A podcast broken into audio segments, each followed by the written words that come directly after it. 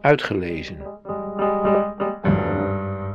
Korte verhalen van en door Janneke Hollera. Wat jammer is.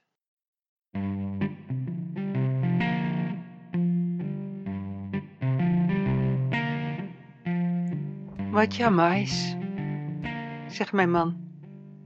Zijn stem klinkt lief en slaperig. Het is nog nacht, in ieder geval nog donker. Er zitten ijsbloemen op het raam.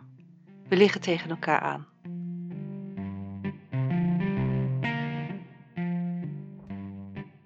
Door het open raam valt ijskoude lucht op ons bed.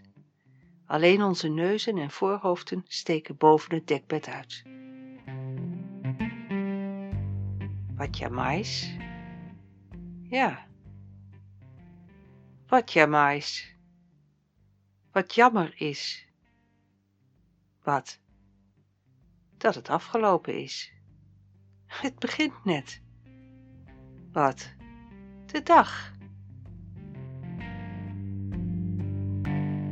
Wat jamais voor de een is niet jamais voor de ander. Dat kan niet, zegt hij. Wat niet? Is niet jammer is. Dat kan, zeg ik, dat dat niet kan, maar het is wel zo. Wat jammer is, zegt mijn man. Zo beginnen we de dag. Ik trek in ieder geval een warme trui en dikke sokken aan. Misschien heeft het hard genoeg gevroren. Misschien houdt het ijs wel.